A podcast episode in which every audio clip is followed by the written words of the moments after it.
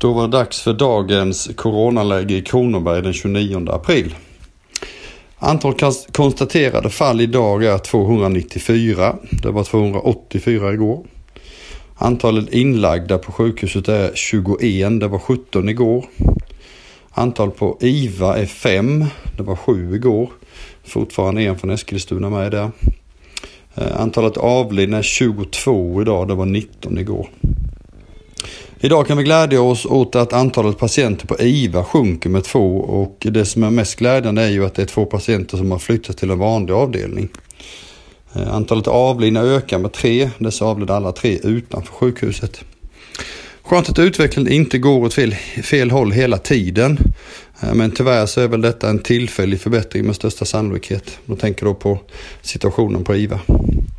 Vi tror fortfarande att Kronoberg kommer att drabbas som hårdast under andra halvan av maj. Sen kommer det troligen att hålla i sig under några veckor innan det blir bättre igen. Det innebär att vi inte på något sätt kan slappna av. Idag började jag min dag extra tidigt när jag, vår landshövding Maria Arnholm och vår chefsläkare Per Lindgren deltog i Radio Kronobergs morgonprogram.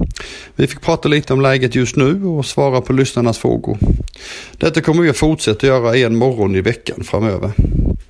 Eh, vi fick en del frågor kring hur sommaren kommer att arta sig, inte värdemässigt utan hur man kan förvänta sig att semestrandet kommer att vara.